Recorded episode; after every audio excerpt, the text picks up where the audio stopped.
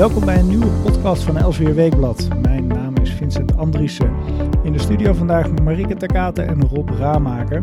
Zij schreven een uitgebreid artikel over de veranderde rol van de huisarts. En daar gaan we in deze podcast dieper op in. Laten we beginnen, welkom natuurlijk allereerst, laten we beginnen even met, met de theorie. Die huisarts, wat, wat voor een rol heeft die in het geheel? Nou, het idee is, de, de, um, de huisarts is eigenlijk ooit bedacht uh, om, om twee belangrijke redenen. Uh, de eerste reden is een, uh, ja, toch een soort kostenbesparing. dat op het moment dat jij een klacht hebt, wat voor klacht dan ook, um, dan is het idee dat je niet direct naar de medisch specialist in het ziekenhuis hoeft. in sommige gevallen zal dat uiteindelijk wel nodig zijn, maar de huisarts is degene die nou, die die afweging een beetje maakt. Dat is eigenlijk de eerste arts waar je vaak contact mee hebt. Uh, en die eens kijkt van, goh, hoe ernstig is deze klacht nou en moet je wel naar dat dure ziekenhuis toe? Uh, dat zal dus in sommige gevallen nodig zijn, maar in sommige gevallen ook niet. Dus, dus in die zin uh, zorgt de huisarts eigenlijk voor een soort kosten, kostenbesparing. en ook een belangrijk punt, ehm, wat de toegevoegde waarde eigenlijk van een huisarts is, is dat iedereen heeft een eigen huisarts in Nederland. Um, en dus ook iedereen uh, heeft een zorgverlener waar hij terecht kan. Wat je, wat je in landen ziet waar, uh, waar de huisarts niet zo, uh, zo groot is als in Nederland, is dat bijvoorbeeld de laag opgeleide groepen wat moeite hebben om hun weg in het zorgstelsel te vinden. dus iemand die nou ja, iets, iets een huidprobleem heeft, om, om maar wat te noemen, die heeft bijvoorbeeld geen idee dat hij daarvoor naar de dermatoloog moet. Uh, en de huisarts is er dan voor dat soort uh, patiënten om ze eigenlijk op weg te helpen in, uh, in het zorgstelsel. Dat vond ik dus echt een enorme eye-opener. Dat sowieso al dat, dat het zo bijzonder is dat Nederland zo'n fijnmazig systeem heeft dat iedereen een huisarts heeft. Dat voelt als iets, tenminste voor mij, van, volkomen vanzelfsprekend. maar dan kom je erachter dat bijvoorbeeld in de VS dat helemaal niet zo vanzelfsprekend is. En ook dat het, ja Nederland is natuurlijk een heel egalitair land, dat het een soort uh, leveler is. Dat uh, ook arme mensen uh, of mensen met een lagere opleiding heel makkelijk goede zorg kunnen krijgen. Dus ik vond dat zelf een enorme eye-opener. En ik vond het ook wel boeiend. we hebben voor dit verhaal een hoop zorgeconomen gesproken. En die waren allemaal echt heel lovend over ja. dat systeem. Hoe belangrijk de huisarts is. En ook wederom een eye-opener. We hebben het heel veel over betaalbaarheid van de zorg. En voor mij was het uh, toch wel heel uh, interessant om te zien hoe belangrijk die rol is van de huisarts. Ze vinden het heel moeilijk om daar echte cijfers op te, op te plakken. Maar dat is dus een heel significant effect om die zorg betaalbaar te houden. Ja. Want, want het is dus eigenlijk, uh, de, uh, samenvat, het is een soort van, van filter. En het zorgt ervoor uh, dat je ook op de juiste, het is een filter en dat zorgt voor de betaalbaarheid, mm -hmm. kunnen we mhm. zeggen. En het is ook meteen eigenlijk je, je guideline naar de rest van het systeem. Hè? De, wat ja. jij zegt, uh, als je niet weet dat je bij een dermatoloog terecht moet met een huidprobleem, dan is het dus fijn dat je dus door die huisarts in ieder geval op de juiste plek in het systeem uh, terechtkomt. Nog even, ik vroeg me af, is zo'n, um, uh, iedereen heeft een huisarts, zeiden jullie al, maar is die, is die verplicht? Hoe, moet ik dat zien? Moet je, als je een zorgver, zorgverzekering is verplicht in Nederland, en moet je daar dan opgeven dat je een huisarts hebt? Of, mm. of kunnen er nog mensen ergens van... Er zijn, er zijn mensen zonder huisarts. Uh, ik, ik, zou zelfs moeten bekennen dat ik zelf op dit moment geen huisarts heb. Uh, omdat Kijk, ik net verhuisd ben.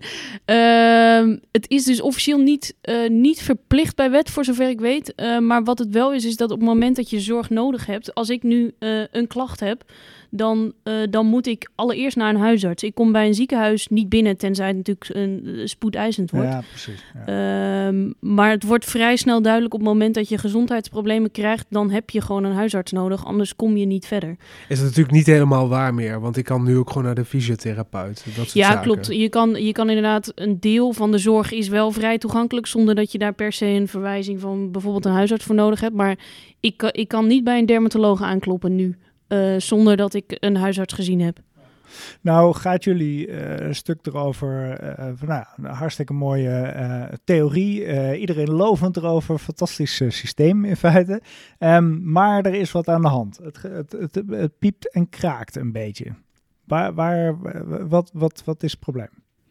Um, nou, een van de problemen, want het, het zijn er een aantal, is dat ehm, om, omdat die huisarts eigenlijk zoveel kan uh, en zoveel doet in het zorgstelsel, uh, er zijn een aantal grotere veranderingen geweest in de zorg de afgelopen jaren. Um, en heel veel daarvan is op het bordje bij de huisarts gekomen. Omdat werd gedacht van ja, de, de huisarts is relatief goedkoop en die kan ontzettend veel. Uh, dus nou, bijvoorbeeld... knappe mannen en vrouwen. Ze kunnen ontzettend veel. Ja. Ze kunnen eigenlijk alles.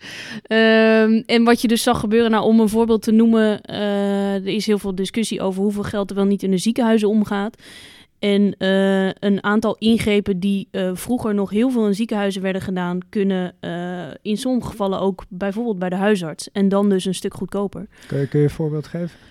Um, nou, dat is een goede vraag. Ja, het, het, zijn, het gaat bijvoorbeeld om uh, bij huidaandoeningen. Als je, uh, nou ja, weet ik veel, het, het uh, weghalen van een moedervlek is misschien niet het goede voorbeeld. Maar dat soort kleine ingreepjes werden nog wel eens door, door een medisch specialist in, de, in het ziekenhuis gedaan.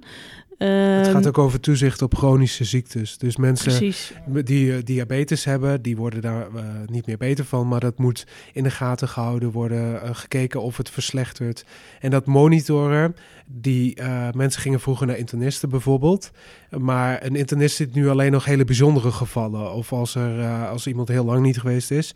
En de, de alledaagse uh, check-ups, die doe je dan bij de huisarts. En die kijkt bijvoorbeeld of je, je, je kunt blind worden van diabetes. Of, of dat netvlies dus achteruit gaat. Dat, dat soort zaken. En volgens mij geldt dat nog voor een aantal andere ehm, chronische ziektes. Dus ook COPD. En dan zijn het vooral de hele bijzondere gevallen, ernstige gevallen die naar het ziekenhuis gaan. En uh, heel veel specialisten in het ziekenhuis zien dus ook geen alledaagse kwaaltjes meer. Het is meteen multiproblemen of, of heel bijzonder of ernstig. Uh. Maar goed, een van die trends is dus meer op het bordje van die huisarts. Ja. Uh, en en nou ja, een klacht die je veel vanuit huisartsen hoort, is dat daar eigenlijk uh, niet het bijbehorende geld uh, bij is gekomen. Dus zij hebben gewoon meer werk op het bordje gekregen. En, en zijn daar zelf heel erg in aan het zoeken geweest van hoe, uh, hoe, hoe doen wij dat nou met dezelfde hoeveelheid huisartsen die we hebben. Hoe, hoe kunnen we al dat werk nog doen? Um, en tegelijkertijd zie je dus ook gebeuren dat die huisarts zelf uh, wat verandert. Uh, want vroeger was het een, uh, een man die 24 uur per dag bereikbaar was, om het maar even heel kort door de bocht te zeggen. En wat je nu ziet is dat het sowieso meer vrouwen zijn, maar ook de mannelijke huisartsen willen liever parttime werken. dus als die beroepsgroep even groot blijft dan, en er gaan meer mensen parttime werken, dan heb je simpelweg, worden er minder uren gemaakt. Dus dan, nou ja, dat... Dan, dan krijg je dus meer patiënten ook per huisarts. Dus, dus het persoonlijk contact raakt dan kwijt. Ja. ja, nou dat was een van de dingen die wij voor dit artikel ook uh, uh, een beetje wilden onderzoeken. Van, uh, dat was altijd de gedachte bij de huisarts. Van dat is degene, een soort vertrouwenspersoon. Zeg maar, je weet wie je huisarts is en je komt hem bij wijze van spreken in, in een dorp, kom je hem in de supermarkt tegen. en, en die band is dan ook heel belangrijk dat je, nou ja, dat je weet waarvoor je wel en niet bij je huisarts terecht kan. Um, en dat probeerden wij nu een beetje te onderzoeken van, van uh, is, is, komt die vertrouwensband onder druk te staan doordat je dus misschien nu op woensdag een andere huisarts hebt dan op donderdag. Ja. Um, het valt wel op dat dat ideaal, daar houden ze zelf nog heel sterk aan vast, ook de belangenorganisaties. En het ideaal is, je hebt één huisarts en je hebt één vervanger. Dus je ziet maximaal twee gezichten. En uh, veel huisartsen die je spreekt zijn toch wel heel bang van... Uh, kunnen we dat ideaal vasthouden naar de, naar de toekomst? En dat begint er al mee dat zo'n praktijk is een soort groepsgebeuren geworden. Het is niet meer uh, een huisarts en een assistent en die runnen de hele toko. Dus dat is al iets waar een praktijkondersteuner is, uh, allerlei andere uh, rollen. hij heeft vaak zijn administratie al uit handen gedaan aan een praktijkmanager om het allemaal onder controle te houden. Dus als je op de praktijk komt en je hebt iets milds, dan heel grote kans dat je de huisarts niet meer te zien krijgt. De, maar je hebt een, een band met een praktijkondersteuner. Uh, dus dan heb je al niet meer die persoonlijke band met je huisarts. En dan leer je hem kennen als je iets ernstigs hebt. Dus daar zie je dat in het, in het klein uh, uh, ook gebeuren.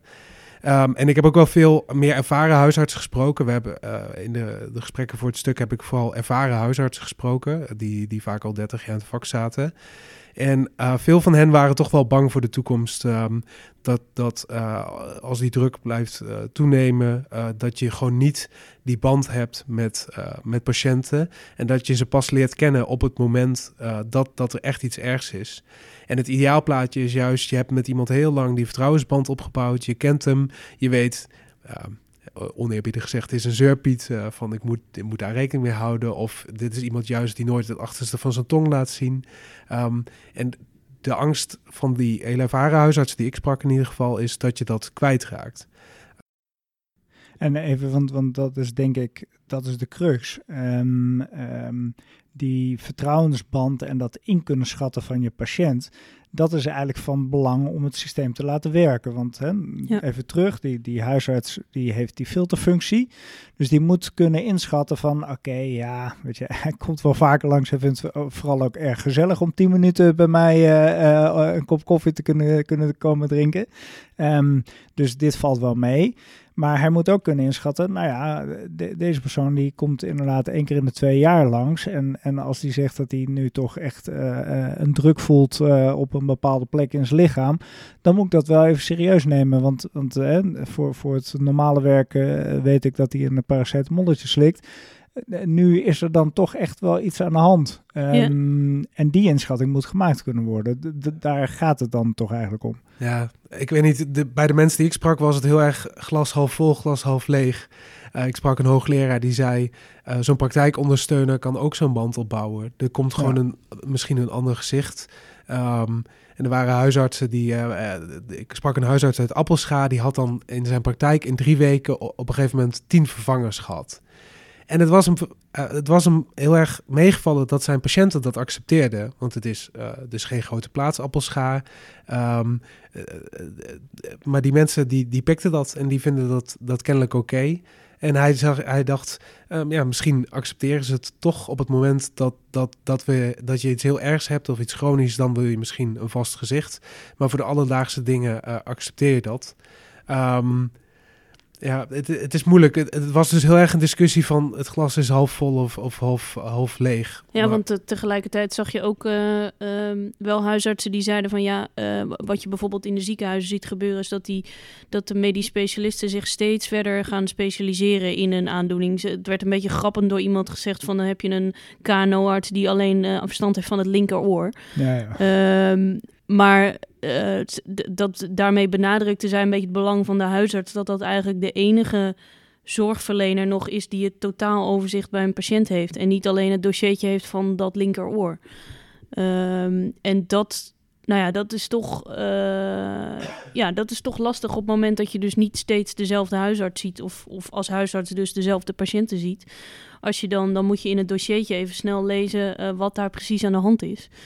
Um, en dat, nou ja, de, de, vraag is dan hoe goed, hoe goed jouw totaaloverzicht als huisarts nog is bij zo'n patiënt. Want even, daar hebben we natuurlijk ook allerlei ICT-systemen misschien voor, omdat, uh, tenminste, dat zou waarschijnlijk het ideaalplaatje mm -hmm. zijn. Die, die huisarts die heeft nog één minuut voordat je komt, trekt dat uh, elektronische dossier op zijn uh, scherm, die kijkt eventjes, oh, oké, okay, nou, vorige week daar, vorige week Ja. En die kan meteen die begroet je met uh, alle ins en outs die hij heeft gelezen op zijn schermnet. En uh, je hebt het gevoel dat je hem nog vorige week hebt gezien, inderdaad.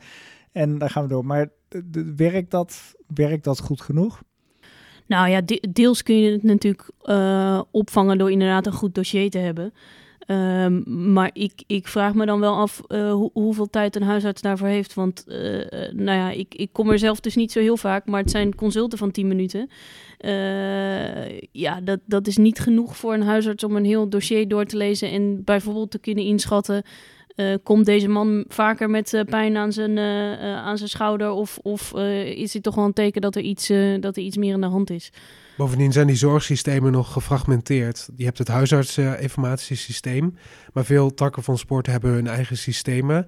En het is niet, uh, zeker niet vanzelfsprekend dat die allemaal netjes met elkaar uh, communiceren en dat je een geharmoniseerd uh, dossier hebt.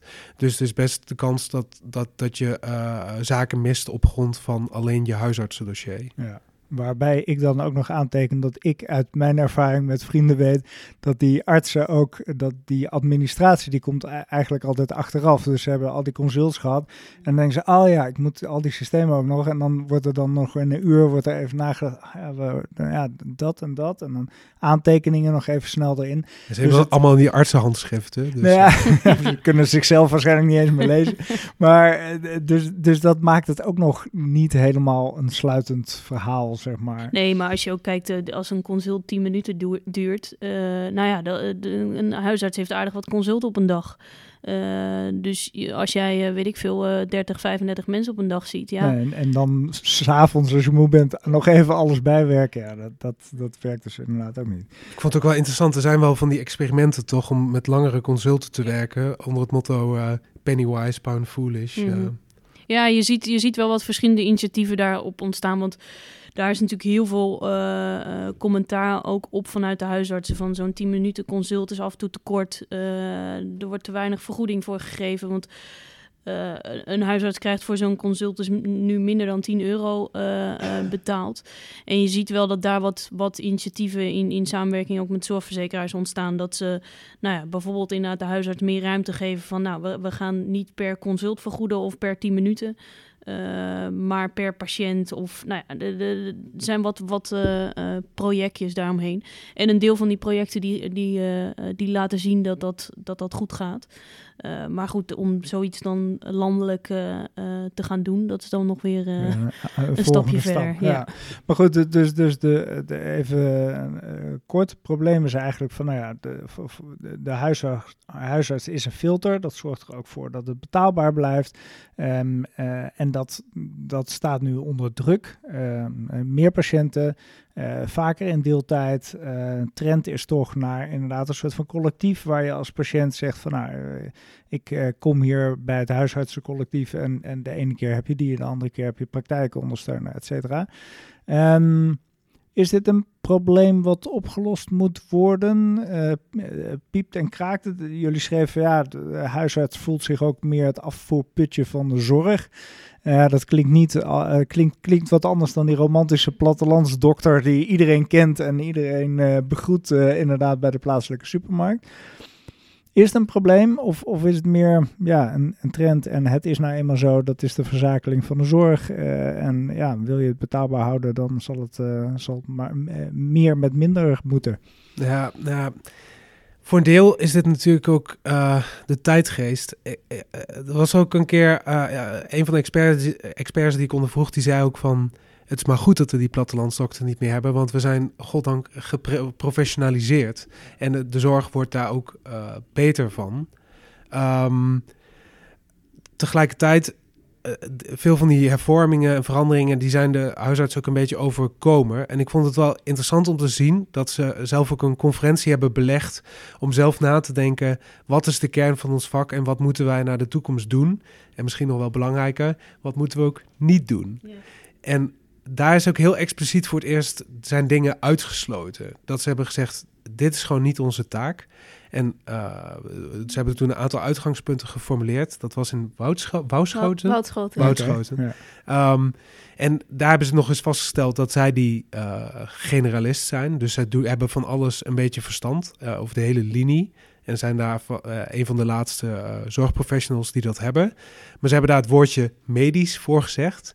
En dat is eigenlijk uh, een heel subtiel verschil, maar toch heel belangrijk. Want daarmee sluit je uit van, ik ben nog een soort sociaal hulpverlener, psychologisch hulpverlener. Heel veel dingen zeg je eigenlijk van, we signaleren het en we sturen de mensen door naar andere professionals die dat gaan oplossen. Maar wij gaan niet alles op ons bordje nemen. Nee, er was één huisarts die, die, uh, die zei dat op zich wel mooi. Die zei van ja, als je zelf de grens niet, niet aangeeft, dan blijven ze wel dingen over de schutting gooien.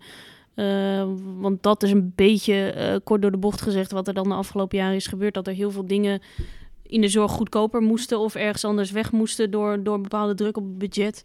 Uh, en dat werd dan maar naar de huisarts gedaan, want die kan toch alles. en dat hadden zij zelf nu ook heel erg van wij moeten gewoon de grens aangeven wat we wel kunnen en ook wat we niet kunnen. want nou ja, wat jij ook zei, wij concluderen dan dat het toch een beetje piept en kraakt. En dat, dat zie je bijvoorbeeld uh, doordat er in verschillende regio's tekorten ontstaan. Dus dat je gewoon te weinig huisartsen hebt. En dat er uh, een tijd geleden was dat in, uh, in Leeuwarden zo dat er gewoon de mensen die daar kwamen wonen, konden niet bij een huisarts terecht. Um, en nou ja, dan dat is toch een probleem. Als dat soort mensen gezondheidsklachten krijgen, dan, dan kunnen ze nergens terecht in principe. Um, en ook het, het beetje afbakenen van dat vak, wat, wat de huisartsen dan uh, bij die conferentie probeerden te doen. Een aantal mensen gaven ook aan van het is ook belangrijk om dat te doen om het vak aantrekkelijk te houden voor nieuwe huisartsen. Omdat je toch, nou ja, je ziet dus tekorten ontstaan, dus je wil uh, uiteindelijk misschien wel meer mensen gaan opleiden. Maar om mensen ook enthousiast te houden voor het vak, moet je ook heel duidelijk zijn in we gaan niet alle rotklusjes opknappen. Uh, we kunnen een aantal dingen heel goed en dat willen we heel graag doen. Uh, maar een aantal dingen uh, moet ook gewoon bij iemand anders terechtkomen. Maar betekent dat, um, vertaal ik hem dan goed als ik zeg van die, als je bij een huisarts komt de komende jaren, dan zul je sneller inderdaad doorverwezen worden naar de specialist. Omdat de huisarts weer zegt van nou weet je, dit is niet meer mijn klusje.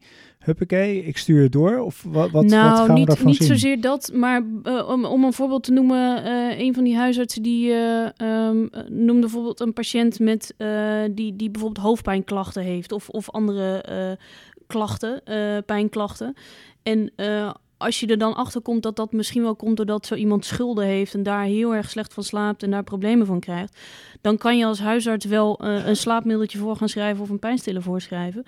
Um, maar dan kun je dus beter zorgen dat er iets met die schulden gebeurt.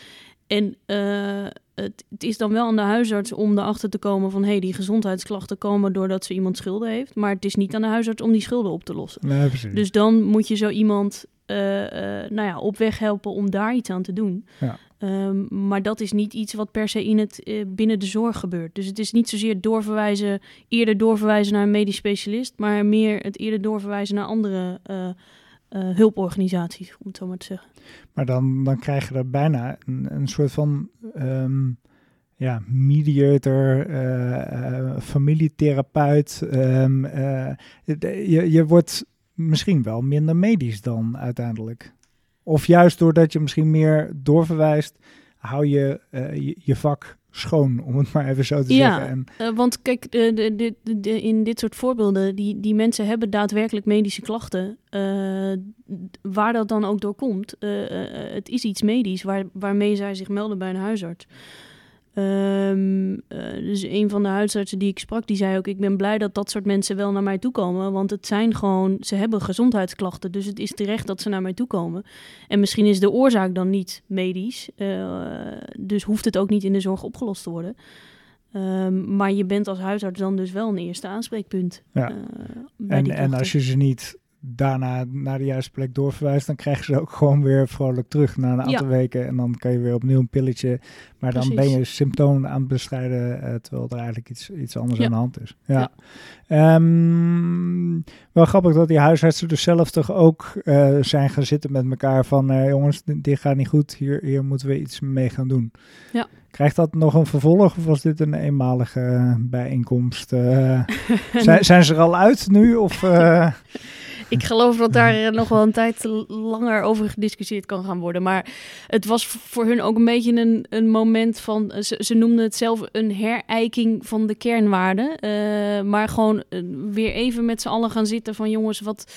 Wat doen wij nou precies als huisarts en wat is onze toegevoegde waarde? Die toegevoegde waarde is dus heel duidelijk in de zin van het, het, het levert een kostenbesparing op en het zorgt dat mensen hun weg in de zorg weten te vinden. Maar dat wil niet zeggen dat alles maar uh, over de schutting gegooid kan worden bij de huisarts. En, en uh, nou ja, dat, die, die frustratie, om het maar zo even te noemen, die, die proefde je toch bij best wel veel huisartsen terug. Van ja, uh, er wordt van alles van bovenaf, bovenaf bedacht en, en wij mogen het in de praktijk oplossen. dus dit was gewoon ook even een signaal van het houdt ergens op. we kunnen niet alles voor jullie oplossen. En als je dan toch nog even breed kijkt, uh, wereldwijd, uh, naar ons systeem. Hè. Je zou kunnen zeggen van nou, we moeten een compleet ander systeem worden. Of mogen we eigenlijk in ons handjes knijpen met wat we nu in Nederland hebben. Ik zeg, zeg op, ja. over, ja, ja, nou, ja. ja nee, het, het, systeem is heel uh, fijnmazig. We hebben allemaal een huisarts. Um, de zorgeconomen die, die, die stellen gewoon heel duidelijk... dat levert een grote besparing op. Je hebt, uh, de, kijk, de, de, de gezondheid is in Nederland al best oneerlijk verdeeld. Dat mensen met een lage opleiding of die minder verdienen, die gaan al eerder dood dan hoogopgeleiden. En die zijn langer ziek aan het einde van hun leven. dat zou nog erger zijn waarschijnlijk als je geen huisartsensysteem hebt. Dat, dat mensen zonder al die mogelijkheden, geld en tools de, de weg vinden door dat systeem. Dus in dat opzicht moeten, we, moeten we denk ik heel blij zijn. Uh, maar het systeem staat dus onder druk. en um, een van de gesprekken die me ook heel erg bijgebleven is, dat ging toch wel over problemen uit het verleden van het systeem. Rond 2000 stond, stond het huisartssysteem ook heel erg op spanning. En er wordt toch heel vaak wel weer iets verzonnen om de boel te, te, redden, zeg maar. Toen bleek er ook een enorm tekort te zijn. En toen is die praktijkondersteuner nou, uitgevonden in feite. Gewoon een soort rol tussen een assistent in gewoon iemand met een, eh, bepaalde medische opleiding. Die uh, de wat simpelere handelingen kan doen en de huisarts ontlast. En um, nu zie je ook uit al die prognoses blijkt, we hebben straks te weinig huisartsen in heel Nederland. Als we niks doen, gewoon als je de lijntjes doortrekt van nu, maar we gaan niet niks doen. We gaan dingen verzinnen waarschijnlijk. We gaan meer mensen opleiden. En uh, wellicht uh, dat we een, een praktijkondersteuner 2.0 uitvinden. Dus die, die tekorten, de, de, de, persoon achter dat rapport van die tekorten maakte zich landelijk niet zo, niet zo zorgen om die tekorten. Maar wel heel erg over de verdeling over Nederland. Want Nederlanders laten zich niet dwingen. Dus je kunt niet tegen een student zeggen... nou, mooi dat je geneeskunde hebt gestudeerd. maar, maar en, morgen, Groningen. en morgen ga jij in Exlo wonen, in Oost-Drenthe... of in, in de Achterhoek, terwijl je niks hebt met zo'n streek. Ja. En hij maakt zich wel, uh, dat, dat is professor Batenburg... die maakt zich wel heel erg zorgen om die uh, regio's die het nu niet lukt... om genoeg huisartsen te trekken... We hebben uh, menig verhaal gehoord van een jonge huisarts die naar Drenthe gaat. En dan word je gewoon uh, bijna stukjes gescheurd door de huisartsen die een opvolger zo zoeken. Ja, ja, okay. um, dat is een van de regio's met, met, een, met een tekort. En uh, daar heb ik persoonlijk in al onze gesprekken niet het, het ei van Columbus gehoord om, om dat op te lossen. Maar dat is een probleem wat je, wat je inderdaad breder in de zorg ziet. ook, ook ziekenhuizen in die regio's die moeite hebben om personeel aan te trekken. Um, en dat is, ja, dat is ook een lastig probleem, denk ik, om op te lossen. Want een van de. doordat dus de samenstelling uh, van bijvoorbeeld die huisartsenberoepsgroep is veranderd, zie je dat nou ja, de meer vrouwelijke huisartsen die hebben vaak een, een partner die, die ook gewoon hoog opgeleid is uh, en, en een goede baan zoekt. En dat soort banen zijn gewoon simpelweg niet, niet altijd te vinden in die, in die regio's. Um, Krimp is ook een issue. Ik sprak een huisartsenpraktijk in de, de Achterhoek. En die hadden dan uh, wel genoeg huisartsen, maar geweldige moeite om praktijkondersteuners te krijgen. Um, omdat uh, je, toch jonge mensen voor een groot deel wegtrekken uit de achterhoek, vergrijzing. En die, die hadden een geweldige worsteling om hun praktijk bezet, bemenst te, te, houden. Dus dat is niet alleen op het huisartsenniveau inderdaad. Nee. En een van de, van de grappige dingen die wij nog wel tegenkwamen was... Uh, je, je ziet dan dat die verschillende regio's een soort campagne voeren om bijvoorbeeld huisartsen uh, uh, naar zo'n regio te trekken. Uh, en waar dat... Wat, wat, is het allermooiste wat je kunt krijgen als je in Drenthe Nou, in dit geval ging het, ging het bijvoorbeeld om Zeeland. En daar was de reclame waar ze, waar ze mensen mee, waar ze huisartsen mee probeerden te trekken... was dat er daar alleen nog maar patiënten bij de huisarts kwamen die echt wat hadden. ja. Dus dat, nou ja, je, je ziet gewoon dat die regio's er ook wel mee bezig zijn. En dat ze echt, echt proberen mensen te trekken, maar het blijft gewoon lastig. Ja. Uh, het, meest veelbelovende vond ik toch nog wel, en dat, dat, dat waren de meeste experts, uh, die zeiden dat ook, om mensen gewoon daar op te leiden. Want uh, het is ook ergens wel logisch. Je hebt volgt een opleiding in Groningen of Utrecht. Nou, daar kom je partner tegen. Je krijgt misschien ook kinderen. Je bent helemaal gezetteld. En op dat moment ga je een praktijk kiezen. Nou, dan is het heel logisch dat je daar een beetje blijft plakken. Want anders ontwortel je dat hele gezin. Je partner heeft een baan. En als jij je opleiding gevolgd hebt in Assen, dan ga je daar wonen. Dus, um, of in ieder geval een deel van die mensen. En daarom uh, hoorde je ook wel... Er zijn nu al wat dependances. Zwolle heeft een dependance. Uh, Eindhoven. Volgens mij worden in Twente huisartsen opgeleid. Maar op het moment dat je in alle regio's een beetje dat soort dingen hebt... ook in Terneuzen, Den Helder... dan is het veel makkelijker om die regio's te bemensen. Waarschijnlijk. het keiharde bewijs uh, dat moet voor Nederland nog maar geleverd worden. En eh, wat me ook opviel, uh, dat, dat idee van huisartsen plaatsen, nou, dat, dat niemand gelooft dat dat in Nederland gaat werken. Omdat ze gewoon niet, want in heel veel landen is dat heel normaal. Je hebt een opleiding uh, op staatskosten genoten en nu ga je naar deze regio. Daar moet je, daar moet je terechtkomen. Ja, ja. ja en het, het, werd niet eens serieus overwogen. Dus kennelijk geloven ze niet dat, dat, in Nederland dat Nederlandse studenten... Dus, dat hoewel ze dat wel met de opleiding dus doen. Want, want in eerste instantie had je op verschillende plekken kon je dus de, kan je de huisartsenopleiding doen. En in eerste instantie had je dat je bijvoorbeeld bij Amsterdam inschreef. Maar nu is er een landelijk systeem uh, voor alle mensen die de huisartsenopleiding willen doen. En dan kun je wel een voorkeur aangeven van ik wil het liefst naar Amsterdam. Um, maar als daar geen plek is, dan is je tweede keuze bijvoorbeeld Maastricht. En dan ga je naar Maastricht. Um, dus nou ja, er, wordt er wordt wel aangewerkt om dat iets meer te spreiden over Nederland. Maar, maar goed, dat blijft natuurlijk lastig. Komt het goed met de huisarts uiteindelijk? Wat is jullie inschatting? Ja, alles moet veranderen om hetzelfde te blijven. Ja, ja, ja. Nou, en op zich, de, dat, dat hadden wij allebei wel een beetje. Dat je toch aan de, aan de huisartsen die wij spraken, merk je wel dat die allemaal... Ze kunnen ontzettend mopperen, maar uh, uiteindelijk uh, zien zij de toekomst wel positief in. Uh, en, en moeten natuurlijk wel uh, moeten er een aantal dingen gebeuren om, om dat voor elkaar te krijgen. Maar ik heb geen enkele huisarts gehoord of, of uh, andere expert die we, die we spraken, die zei van nou, dit, dit gaat helemaal verkeerd lopen, dit, dit stort in. Het systeem staat niet op, op omvallen. Nee. Ik had vooral in die gesprekken dat iemand dan een, een uur moppert en dan zegt, ja, maar het is wel ontzettend mooi van. Ja. Mooiste broek, oké. Okay. Nou goed, dus, dus uiteindelijk gaan die problemen zich oplossen. We hebben eigenlijk alleen nog één probleem wat, wat over is gebleven. Marieke, jij zoekt nog een huisarts. Ik zoek nog een huisarts, ja. ik heb uh, bij mijn laatste verhuizing uh, uh, hiervoor in, in Rotterdam... heb ik tien praktijken afgebeld voordat ik eindelijk eentje had waar plek was. en nu moet ik in Amsterdam gaan zoeken, dus ik, ik ga... Wonder nou, achteraf. U uitdaging. Ik, ja. ja. dat wordt misschien wel een uitdaging. Maar, ik heb mijn huisarts niet meer gezien sinds mijn intakegesprek. dat is een goed teken. Ja. gezonde mensen hier op de redactie van Elsevier.